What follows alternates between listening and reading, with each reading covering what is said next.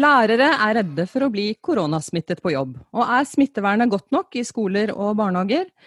Ingenting tyder jo på at korona skal slutte å herje verden med det første, og hverdagen i skole og barnehage er naturlig nok også preget av viruset. Og hva skal til for at alle lærere skal føle seg trygge på jobb? Velkommen til lærerrommet, navnet mitt er Vigdis Salver. Og navnet mitt er Marianne Olsen Brøndtveit. For lærerne som er engstelige for situasjonen, så kan det handle om mange elever i klasserommet, noen barnehagebarn som kanskje er litt småpjuske, noen elever som kanskje har vært på fest i helga, trengsel i smale korridorer, overfylte klasserom, deling på plassen i trange kontorfellesskap. Og smittevern generelt. I denne episoden av Lærerrommet skal vi nettopp snakke om alt dette, om hva som er trygt og ikke trygt. Og med oss til å gjøre det, så har vi assisterende helsedirektør Espen Rostrup Nakstad, leder i Utdanningsforbundet Steffen Handal, direktør i Utdanningsdirektoratet Hege Nilsen og professor i anatomi ved Universitetet i Oslo, Anne Spurkland. Velkommen til dere alle sammen, og aller først til deg, Espen Rostrup Nakstad. Kan du forstå de lærerne og barnehagelærerne som er bekymra for å bli smitta på jobb? Ja, Det forstår jeg veldig godt, og jeg tror mange i samfunnet har vært bekymret for det helt siden mars måned. Eh, og så er det jo heldigvis sånn at eh, smittetallene har gått veldig ned. Eh, kontinuerlig egentlig fra midten av mars og fram til nå. Og selv om vi har noen oppbluss av smitte nå i enkelte kommuner i Norge, så er det fortsatt veldig lite smitte i landet. Og da betyr det at det er lite smitte også blant foreldre og barn og ansatte i barnehager og skole. Så, så, det er eh, et viktig budskap å få fram nå. Men eh, at vi er bekymret, det bør vi være litt grann også, for å være litt skjerpet på dette her. Eh, men så bør vi ikke være mer bekymret enn vi trenger, tenker jeg. Mm. Og Åge Hvitstein han er lærer og han er tillitsvalgt ved Sandefjord videregående skole. og Han sier et intervju med Utdanningsnytt i august så sier han dette. Veldig mange av lærerne ved skolen er bekymret for at vi ikke klarer å overholde avstand. Skulle noen bli smittet på vår skole, vil det være umulig å finne ut hvor mange den smittede har vært i kontakt med. Hva tenker du om smittesporing og beskyttelse i et slikt miljø? Nei, Det er klart det er utfordrende i skoler, fordi mange skoler er jo ikke helt eh, altså De er bygd med ulik standard. Eh, noen, særlig byskoler, har jo trangere forhold enn andre skoler. Og det er veldig vanskelig å holde den avstanden. Eh, og det er jo grunnen til at man har måttet kompromisse litt på dette med én meters avstand i denne veilederen for skolene, og også for barnehagene. Men samtidig er det en del andre tiltak som er innskjerpende når det gjelder smittevern, og som skal gjøre at dette blir trygt. Og mitt inntrykk er at skolene har blitt veldig flinke til å følge den veiledningen inn sommeren, og at man eh, landet på et godt nivå der når sommerferien begynte. Og vi er egentlig på det samme nivået nå, det er gult nivå i Norge. Eh, når det gjelder skoler. Eh, og det tror jeg vi kanskje må innstille oss på at det vil være en stund eh, framover også. Mm. Ja, eh, klassen er kohorten på gult nivå på videregående f.eks. Og i en klasse på videregående så kan det jo være over 30 elever, ofte 35 og mer. Og mange lærere er også i flere kohorter på én dag, og det er dette lærerne snakker om da. Og tenker du at smitteveilederne, når det gjelder f.eks. det her da med avstand på videregående, at de er tydelige nok? Både for avstand og kohortstørrelse? Jeg tenker at de er, ganske tydelige på det, men eh, det aller viktigste å være tydelig på, det er jo at eh, man ikke bør gå på skolen eh, verken som elev eller ansatt hvis man er syk. Og at man bør teste seg hvis man får symptomer. Det er veldig viktig nå i høst. fordi kan vi unngå et sånn usikkert tilfelle eller et positivt tilfelle med koronavirus på en skole, så har man unngått veldig mye smittesporingsarbeid og en veldig belastning også for for den skolen og for den undervisningssituasjonen som elevene jo trenger. Steffen Handal, hvilke signaler er mest tydelig inn i dette fra medlemmene i Utdanningsforbundet? Det er jo bekymring, og særlig blant eh, noen lærere. Jeg tror faktisk at eh, man kan si at dette er også lokale store forskjeller, og at, eh, som Nakstad er inne på, at veldig sentrumsnære, store videregående skoler, der er bekymringen ekstra stor. Eh, jeg tror mange lærere ser på arbeidshverdagen sin og elevenes skolehverdag og tenker dette stemmer kanskje ikke helt overens med, med de rådene man får ellers i samfunnet. Og så, og så blir man eh, bekymret. og Dette har jo vi gitt uttrykk for, for overfor myndighetene over lang tid. og det det er, den rollen vi kan ha i dette. Eh, vi er jo veldig redd for å opptre som smitteverneksperter, for det er vi ikke. Eh, det vi kan si noe om, det er hvordan våre medlemmer opplever dette. Og så er det jo en side til her som jeg har lyst til å trekke fram, og det er at når vi ser lokale smitteutbrudd, eh, så øker det bekymringen. Og også, tror jeg, det som skjedde rett etter ferien, da Bent Høie og Erna Solberg var såpass tydelige på at uh, de unge spilte en viktig rolle i smittespredning, så, så øker jo det uh, også bekymringen. Så alt i ble liksom totalen en stund der ganske, ganske voldsom for, uh, for lærerne. så det er kort. Ja. Du, du, er jo opptatt av at det er helsemyndighetene som kan smittevern. Og I dette så har du sagt at det er helt uakseptabelt at lærerne skal ha dårligere smittevernregler enn det andre har. Hvilke situasjoner er det du tenker på da? Vi, vi, fikk faktisk ganske mange tilbakemeldinger rett etter ferien da lærerne skulle ha planleggingsdag. Og det handler jo ikke om elevene i det hele tatt. Da sitter jo lærerne sammen og skal planlegge bl.a. denne fagfornyelsen da, som vi er midt oppi. Og det er klart, eh, når liksom lærere opplever at 50 stykker blir stua inn på et lite rom, eh, så, så oppleves det som veldig merkelig at man at man da ikke tar de samme hensynene som man får beskjed om å ta eh, som til alle andre arbeidstakere, så oppleves det veldig rart. Og det er klart, det er jo ikke helsemyndighetene sin skyld. Da er vi over på eh, lokal skolemyndighet og, og også eh, kanskje ledelse og tillitsvalgte lokalt, som, som, er nødt til å ta situasjonene mer alvorlig enn det man gjør nå, da. Ja, for hvem er det som skal sørge for at lærerne er og blir trygge når de er på jobb, slik du ser det? Jeg mener jo at det er kommuner og fylkeskommuner som har det ansvaret, og det har de selvfølgelig sammen med sentrale myndigheter. Eh, og så får jo selvfølgelig skoleledelser De opplever seg en veldig skvis her. fordi at de får klare anbefalinger om hvordan smittevernet skal drives på skolen. Og samtidig opplever de lokale eh, signaler om at her er det ja, dårlig økonomi liten vilje til å gjennomføre det som faktisk er bestemt. Og det er klart, Hvis kommuneøkonomien står i veien her, så er vi på ville veier. Da kan vi bidra til smittespredning pga. kroner. Eh, det kan vi ikke ha nå. av. Hvilke løsninger er det man bør se på slik du ser det da? Altså, du har bl.a. snakket om mer bruk av hjemmekontor og den slags? Ja, og det, det, med hjemmekontor var jo etter en anbefaling som vi fikk fra Folkehelseinstituttet. Og jeg tror at eh, det er en klok anbefaling, særlig i de områdene hvor vi har lokal smitteoppblomstring, og hvor det ikke er nødvendig at eh, lærerne er på skolen. Da bør vi også som yrkesgruppe eh, få anledning til å bidra i den dugnaden som, som alle er med på. Hege Nilsen, hvem sitt ansvar er det at smitteveilederne i skoler og barnehager følges opp, slik Utdanningsdirektoratet ser det?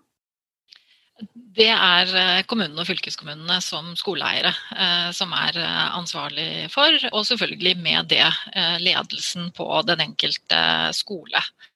Og det er litt fristende å supplere bildet litt i forhold til det som er sagt nå. fordi i likhet med både Espen og, og Steffen, så er det veldig lett å forstå de bekymringene som er i skolen.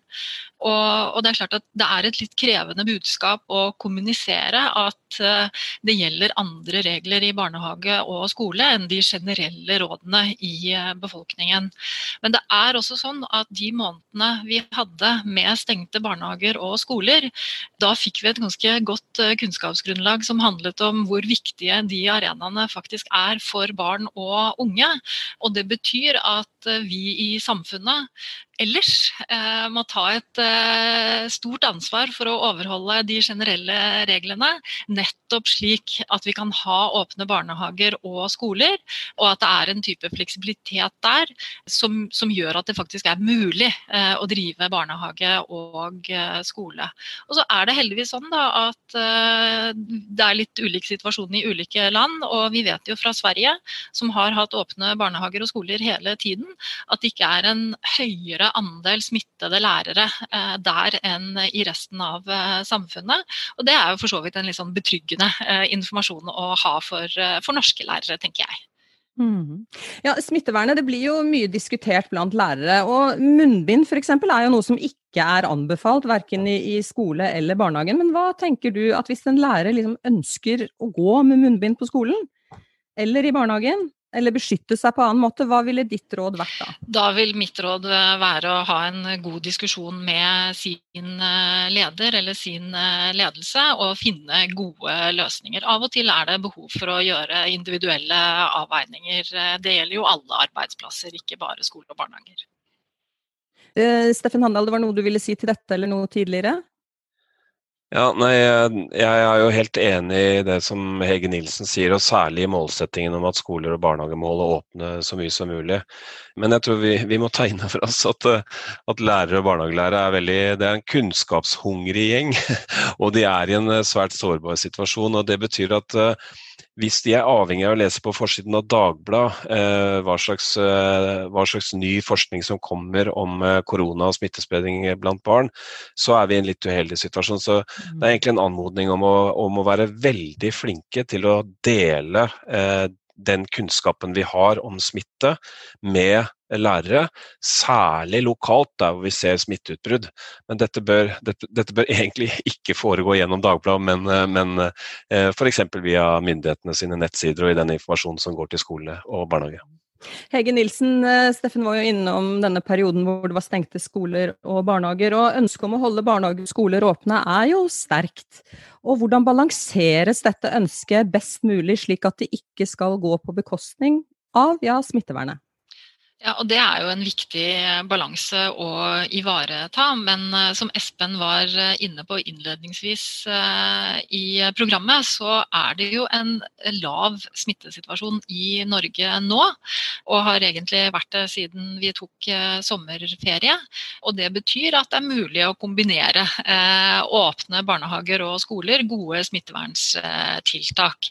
Og så er det jo sånn at vi har innført denne trafikklysmodellen i smittevernveiledningen veiledningene.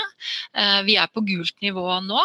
Tiltak på rødt nivå ivaretar en situasjon med høyere smitte i eh, samfunnet. Eh, det var jo de tiltakene vi innførte da skolene gjenåpnet etter stengningen. Og det er strengere tiltak med mindre grupper, eh, som da vil føre til at man eh, noen steder må kombinere skole på skolen med, med hjemmeskole osv. Så, videre. eh, så det er klart at eh, vi forsøker nå å ha en veiledning eh, som skal ivareta ulike nivåer av smitte i eh, samfunnet. Og vi har også vært veldig opptatt av å støtte skolene i, og kommunene og fylkeskommunene i å utvikle beredskapsplaner, slik at vi er mye bedre forberedt nå eh, hvis man må endre graden av tiltak i barnehager og skoler.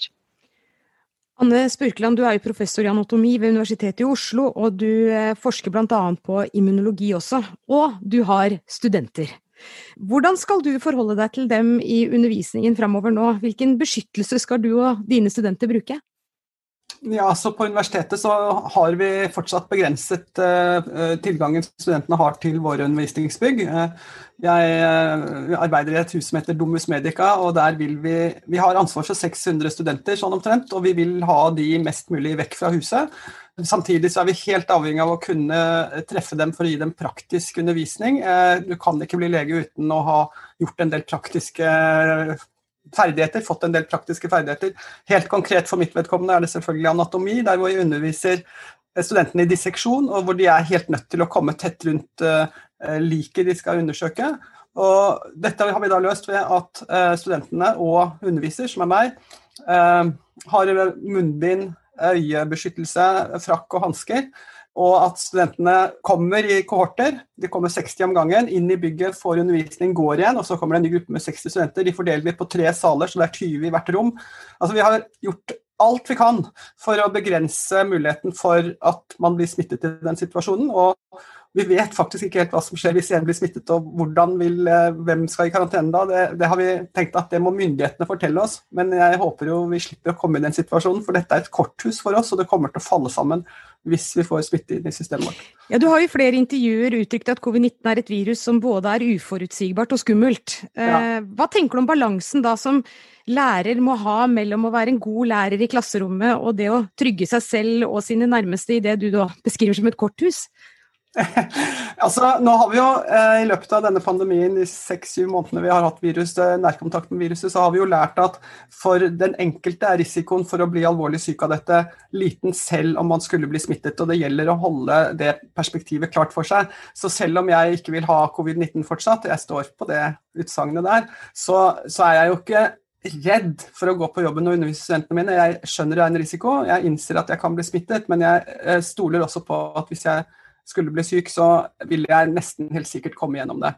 Eh, fordi det er tross alt bare en, en liten andel som, som, blir alvorlig syk. Men dette er jo en risiko som også er avhengig av hvem man er, eh, hva slags risikofaktorer man har. Og det er jo en god del eldre lærere, i hvert fall i videregående skole, og jeg skjønner godt at de er bekymret. Jeg får lov å arbeide med studentene mine med fullt smittevernutstyr. sånn langt på der. Men eh, hvis jeg hadde vært eh, lærer i videregående skole og ingen hadde snakket med meg om det, ikke hadde tenkt gjennom det og ikke vurdert om jeg kunne bruke munnbind eh, hvis jeg kommer tett på studentene, så ville jeg tenkt at nei, de, de får ta litt bedre vare på meg. Jeg er tross alt så og så gammel og sånn og sånn. Eh, Espen eh, Nakstad, en annen lærer på en videregående skole som vi har snakket med, hun beskrev sin hverdag på følgende måte. Det er som om det er et eget samfunn i skolen, der smittevern ikke er like viktig som ellers. Som samfunnsborger må jeg overholde reglene, men som lærer er ikke det så nøye. Hva ville du ha svart denne læreren? Nei, Jeg eh, tenker at det er viktig at man forholder seg til de samme grunnleggende smittevernreglene i hele samfunnet, uansett hvor man jobber eller hvor man er. Og Det er veldig viktig. Og så må man finne tilpasning til hvordan det skal praktiseres, selvsagt. Og det er jo, som du er inne på fra universitetet også, det er jo behov for ganske stor tilrettelegging for å klare det. Det er ganske stor jobb. Men det jeg tror man skal være trygg på, det er at eh, hvis det skulle dukke opp et smittetilfelle, så er det også de samme prinsippene som gjelder. Da blir det å drive smittesporing. Det er en kommunal oppgave. Eh, og så kartlegger man hvem som har vært i såkalt nærkontakt med den syke. Og så blir de satt i karantene, og så tester man da i tilfeller. Sånn så dette er ganske godt etablerte systemer, og de har også fungert godt der hvor det har vært elever eller studenter som har blitt smittet. Ehm, og det som er godt å se også, er at eh, selv om vi har mer smitte nå enn vi hadde i juni i Norge, også eh, en del eh, yngre mennesker og ikke minst unge voksne som har nå trukket opp statistikken litt, så er det sånn at alle disse utbruddene i Norge har blitt håndtert. Og de har ikke medført at det har sklidd ut, og at smitten begynner å spre seg i samfunnet under radaren, sånn som vi hadde i mars måned. Eh, men det er klart, eh, det krever en stor innsats for å, å fortsette å ha den kontrollen. Eh, og da må alle gjøre en innsats, uansett hvilken utdanningsinstitusjon man studerer ved, er elever eller jobber ved. Ja, Som Handal var inne på, så er jo lærere som folk flest. De følger med i media, de lytter til myndighetene. Men beskrivelsen av hva som er realiteten og hva forskningen viser, den er ikke alltid helt entydig. Og hvem skal lære som blir engstelige eller forvirret eller skeptiske, hvem skal de stole på inn i dette virvaret? Jeg tror lærere og alle andre skal stole på de offisielle gode rådene som ligger ute, og som har ligget ute lenge. Og selv om det er noen akademiske ting og ikke minst eh, en del forskningsområder som er dårlig kartlagt, hvor det er lite forskning, så er det for Norges del, hvor vi er i en situasjon med lite smitte i samfunnet tross alt, og vi vet at særlig de yngre barna har lite symptomer, og vi har god smittesporing og testkapasitet, eh, så er det ikke noe nytt verken i rutiner eller, eller håndteringsmekanismer rundt dette. Men eh, det er noen interessante trender nå, bl.a. det at særlig yngre voksne, altså typisk studenter, da, eh, har, har i stor grad nå testet positivt på statistikken de siste ukene, mens snittalderen var mye høyere før sommeren. Sånn at eh, Det betyr at eh, unge voksne særlig, de må ta et ekstra stort ansvar, faktisk. Selv om de selv blir lite syke, så må de ta et ekstra stort mm. ansvar for ikke å bidra til unødvendig mye smittespredning. Mm, ja, og så er det jo denne ECDC-rapporten om smitte og barn som eh, har blitt mye diskutert mange steder. og Fortell nå, Nakstad, hva er det som er riktig? Helt riktig når det gjelder barn og ungdom og sykdomsutvikling og smitterisiko? Sånne rapporter tar opp i seg mer enn 80 forskningsarbeider, og noe av det er til og med ikke publisert. og det som blir litt forvirrende noen ganger når da avisene trekker inn andre land i en sånn der, nærmest sånn nordisk eh, diskusjon, eh, så blir det mye sammenblanding av symptomatisk smitte, asymptomatisk smitte, smitte i skoler, smitte utenfor skoler. Det blir en veldig komplisert debatt. og Folkehelseinstituttet og Helsedirektoratet vi er helt enige vi, om eh, det som gjelder skole og barns risiko i Norge. Og situasjonen er sånn at barn blir mindre syke, det vet vi. Derfor så tror vi de smitter mindre også. Og i en situasjon hvor vi har lite smitte i samfunnet, sånn som nå, så, så, har vi veldig få tilfeller av dette i både barnehager og skoler, og de håndteres godt av kommunene. Og Det er det aller viktigste. Og så er vi selvsagt også obs på at det nå er bedre dokumentert at de unge voksne er ganske smittsomme.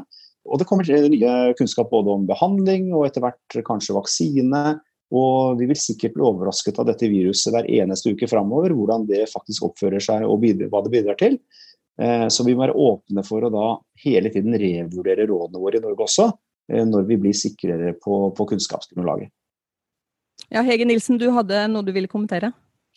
Nei, jeg hadde bare lyst til å si noe om dette med kunnskapsgrunnlaget. Eh, fordi jeg syns det er ganske viktig å, trygge eh, norske lærere og barnehagelærere på at det er et eh, veldig godt samarbeid mellom utdanningsmyndighetene og helsemyndighetene i forhold til å bygge på det kunnskapsgrunnlaget vi har, og være helt sikre på at de rådene vi gir nettopp er tuftet på det kunnskapsgrunnlaget vi har. Og de rådene vi har gitt til skole og og barnehage, de har jo vært veldig eh, stabile eh, i forhold til eh, smittesituasjonen. Særlig etter at vi ga ut veiledningen med trafikklysmodell. Nettopp også for å sikre forutsigbarhet og mulighet for å, å planlegge. Steffen Handal? Ja, nei, jeg er i og for seg enig i at at det har vært klare anbefalinger. Eh, de er vel kanskje mindre klare nå enn det de var, men samtidig så har man laget disse nivåene, og alt det der er bra. Men det er ett spørsmål som jeg får veldig ofte, som jeg egentlig kunne tenke meg å utfordre Nakstad på og reflektere rundt. og det er eh, Akkurat nå sitter jeg plassert i, i Oslo, og her har du en smittesituasjon som er litt annerledes enn resten av landet. og Man snakker om uh, hvor viktig det er å holde én meters avstand, og man snakker til og med om munnbind. Uh, på kollektivtransport. Mens i skolene så er det sånn at énmetersregelen ikke gjelder, eh, bortsett fra ute. Og Det, det syns jeg er rart, og, og, og, mange lærere syns det er merkelig. Så, eh, og Det kan godt hende at det finnes en god forklaring på det, men det er den type, den type forklaring vi trenger. Og nå har du en kjempegod anledning til å, til å berolige oss, uh, hvis det er mulig. Nei, jeg kan godt forklare det, fordi dette har med risikobetraktninger å gjøre. Og i en skolesammenheng så er man jo sammen de samme barna hver dag. Uh, mens uh, når du tar offentlig transport, og hvis du reiser til og fra jobb med T-bane eller buss hver dag, så vil du i løpet av en uke være i kontakt med mange hundre forskjellige mennesker, kanskje mange tusen forskjellige mennesker. Sånn at det som er liksom de grunnleggende risikofaktorene for smittespredning, det er jo punkt én hvor mange du er i kontakt med i løpet av en dag. Hvor lenge du er i kontakt med dem, og hvor nært du er i kontakt med dem. Og om det er de samme menneskene, eller om det hele tiden er nye mennesker. Og Dette er grunnen til at uh, utenlandsreiser f.eks. er beheftet med mer risiko. og Da er man i kontakt med helt andre mennesker enn i hverdagen ellers. Mens i en skolesetting så er det de samme menneskene og de samme vennene ofte. Og da blir risikoen veldig, veldig mye mindre. Og Derfor så kan man tillate seg det i en skolesituasjon å avvike fra den enmetersregelen i den nåværende smittesituasjonen, som er et gult nivå. Da. Det er nesten så jeg hører Eh, Åge Hvitstein på Sandefjord videregående skole, som er en av Norges største videregående skoler. og Det antallet elever som er involvert der, er ganske formidabelt. og Hvis du tenker på hvordan de kommer til og fra skolen, så, så, så skjønner jeg at man reagerer. Men jeg, jeg syns at forklaringen er viktig, og det er derfor jeg utfordra egentlig på det. Sånn at eh, flere skal vite hvorfor det er som det er. Mm. Takk. Mm. Ja, og det er noe annet som også trenger litt mer eh, forklaring. Eh, Nakstad, du var inne på de unge voksne som må være flinke til å passe på symptomer og teste seg. Men du har jo også barn da, som er veldig snørrete og kanskje hoster litt. Og skal de uansett bli holdt hjemme og bli testa før de kommer i barnehagen eh, eller på skolen? Ja, Der er det også veldig gode råd som Folkehelseinstituttet har gitt, som ligger ute på nettsidene. og da er det sånn at Har du barn som får nyoppstått luftveisinfeksjon, Altså Ikke de som renner i nesa i barnehagen hver dag på samme måte, men altså de får feber eller de får et nytt symptom, de, de blir syke. Ja, da bør de holdes hjemme og testes. Og eh, Man kan da tillate seg for de minste barna å vente et par dager før man løper og tar den testen. Eh, det kan man gjøre. Men eh, når det gjelder da barn som ikke har nyoppsatte symptomer, men de renner i nesa, det henger en stripe ut av nesa fra hvert nesebor hver dag når de har vært ute i barnehagen, så er ikke det noe dramatisk nytt. Og det er heller ikke et tegn på at de har blitt syke med et nytt virus. Sånn at uh, i de settingene så er det ikke noen grunn til å bekymre seg over det. Og her, her, er det ganske godt formulert, de rådene også på hjemmesiden til Folkehelseinstituttet, hvordan man da kan tenke rundt det. Handal, eh, som vi nå nylig har snakket om, så er det jo et skiftende bilde. Det er råd som kommer, det er utspill som kommer i media. Og det er ikke alltid lett å vite. Og dette vil jo også mest sannsynlig fortsette. Redselen som disse lærerne som vi nå har snakket om kan oppleve i disse tider, hva slags påvirkning kan det ha på undervisningen og læringsmiljøet i skole og barnehager? Jeg tror det er ganske åpenbart for eh, alle som har opplevd en undervisningssituasjon at eh, hvis en lærer, eller for den saks skyld en elev, er veldig engstelig og redd, så kan det eh, påvirke undervisningen og læringen dramatisk. Det er vanskelig å se for seg at man skal kunne lære noe hvis man er i en utrygg situasjon. Så eh, jeg, jeg, er engstelig for det. Samtidig så er det jo er det sånn at eh, vi, vi, bør forsøke å unngå at lærere, lærere, og elever må sitte med hjemmeskole, fordi at det er heller ikke en god situasjon. Eh, og da er jo etiske dilemmaer. Jeg syns også dette med munnbind er veldig interessant å snakke om, også i et profesjonsetisk perspektiv. Fordi at eh, det er klart hvis du kommer på skolen som seksåring og møter en lærer med et munnbind, så gjør det noe med hele situasjonen. Og Derfor står vi nok foran noen vanskelige dilemmaer eh, i lærerprofesjonen.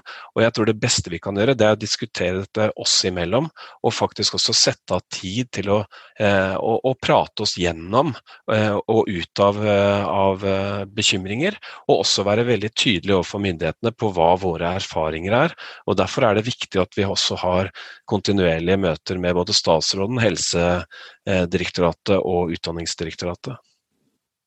Du har jo tidligere dratt fram dette med de økonomiske aspektene. For eh, ressursene som skolen og barnehagene nå har til å fremdeles gi et eh, likeverdig og godt tilbud, de er jo eh, under hardt press. Hvordan ser du på tida som kommer nå med tanke på økonomi og ressurser? Er det, det er jo både snakk om et etterslep her, men også utgifter som vil komme? Helt klart. Eh, for det første må vi huske på at eh, kommuneøkonomien i Norge var ganske anstrengt før koronapandemien slo inn. Eh, vi, når vi spør eh, ledermedlemmer i forbundet, så svarer eh, over halvparten av dem at de ikke har fått kompensert de utgiftene de har hatt i forbindelse med korona. Regjeringen har på den andre siden vært veldig tydelig på at disse utgiftene skal kompenseres. Så her er det liksom hva kommer til å skje? Vi vet ikke helt.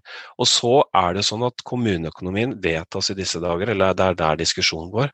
Så vi er i en veldig uavklart situasjon. og jeg frykter, og det er grunn til å frykte, at vi vil oppleve kutt i kommuneøkonomien. Istedenfor at vi ser en satsing som vi rett og slett trenger. Fordi at eh, å drive smittevern, det er dyrere. Og vi er også i en situasjon hvor vi faktisk skal ivareta elever som ikke har fått et optimalt tilbud over lang tid. Og hvor vi også står foran en fagfornyelse som krever ekstra ressurser. Så dette kommer til å bli krevende framover. Anne Spurkland, du ønska ordet? Ja, Da kan jeg jo føye til uh, vår erfaring med smittevern på universitetsnivå. Det har vært uh, enormt krevende og kostbart. Alle disse munnbindene, frakker vi må ha, hansker vi må ha. For hvis de skal bort i ti dager, så har allerede vårt tog med undervisning rullet så fort at de går glipp av noe. Så da må vi sette inn krefter til å lage et ekstraopplegg. Så her, det støtter jeg Steffen fullstendig. At, at smittevern i undervisningssammenheng, det har en pris. Og den prisen er ikke liten. Ja, Hege Nilsen, her kan det dukke opp eh, mye framover. Og et eh, nokså realistisk scenario framover, det er jo, det har jo også skjedd allerede, at skoler eller barnehager der det er smitte blir stengt, mens det holdes åpent andre steder. Også steder med geografisk nærhet. Og klasser eller avdelinger settes i karantene, mens resten av elevene og barna møter opp. Og hva tenker du at dette vil kunne gjøre med Utdannings-Norge? Handal var jo inne på det. Tenker du òg at dette vil kunne gi en ulikhet mellom barn og elever? Altså, jeg, jeg, tror jo Vi gikk jo inn i ferien med en følelse av at uh, vi hadde sånn rimelig god uh, kontroll, og var vel egentlig ganske optimistiske, tror jeg, eh, flere av oss. Og så ble vi litt realitetsorientert uh, nå i august i forhold til at dette er langt fra over. Så jeg tror vi alle sammen nå må være forberedt på et skoleår hvor det er uforutsigbarhet knyttet til lokale utbrudd utbrudd av eh, smitte. Så håper jeg at det vi har gjort så langt, har satt oss i bedre stand til å ivareta denne type situasjoner nå enn det vi opplevde at vi var eh, i våres. Eh, nå har skolene hatt, og kommunene og fylkeskommunene hatt anledning til å planlegge for ulike nivåer av smittevernstiltak, men det er ingen tvil om at dette kan bli en krevende høst mange steder.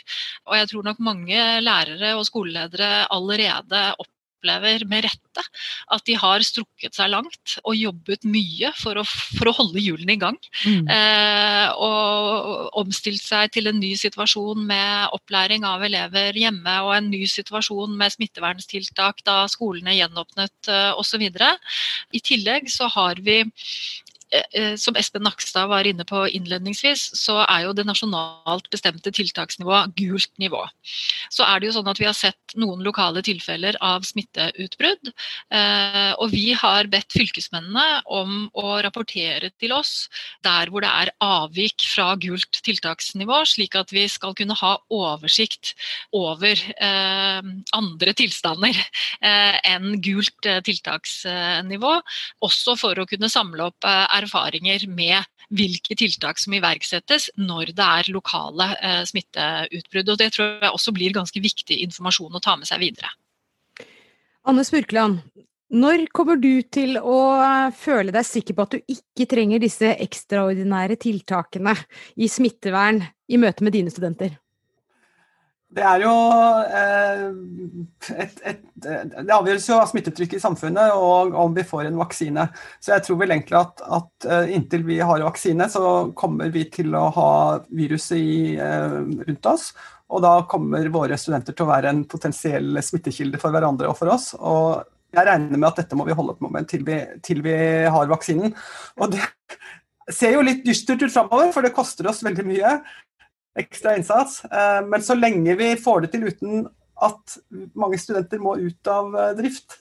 Ja, Nakstad, hva er ditt uh, hovedbudskap til alle lærerne og barnehagelærerne som jo opplever å stå i frontlinja? Nei, Hovedbudskapet er at hvis vi alle fortsetter å gjøre en god jobb i Norge, så vil smittetallene bli så lave at dette i hvert fall ikke resulterer i veldig stor inngripen i undervisningshøsten, forhåpentligvis. Oppsummert, Heimdal, hva er det viktigste lærere og barnehagelærere nå kan gjøre framover? Hva, hva, skal de si ifra om, og hvor skal de si ifra? Jeg tror det aller viktigste vi gjør, det er å følge smittevernveilederne sine anbefalinger. Og så er vi nødt til å minne hverandre på eh, å følge dem, og vi er nødt til å gå tjenestevei hvis det er brudd på, på disse smittevernreglene så tror jeg altså vi skal være flinke til å klappe hverandre litt på skulderen. Det er grunn til å være ganske stolt uh, når du er lærer, skoleleder eller barnehagelærer. Uh, vi har faktisk gjort en fantastisk innsats uh, de siste månedene før sommerferien.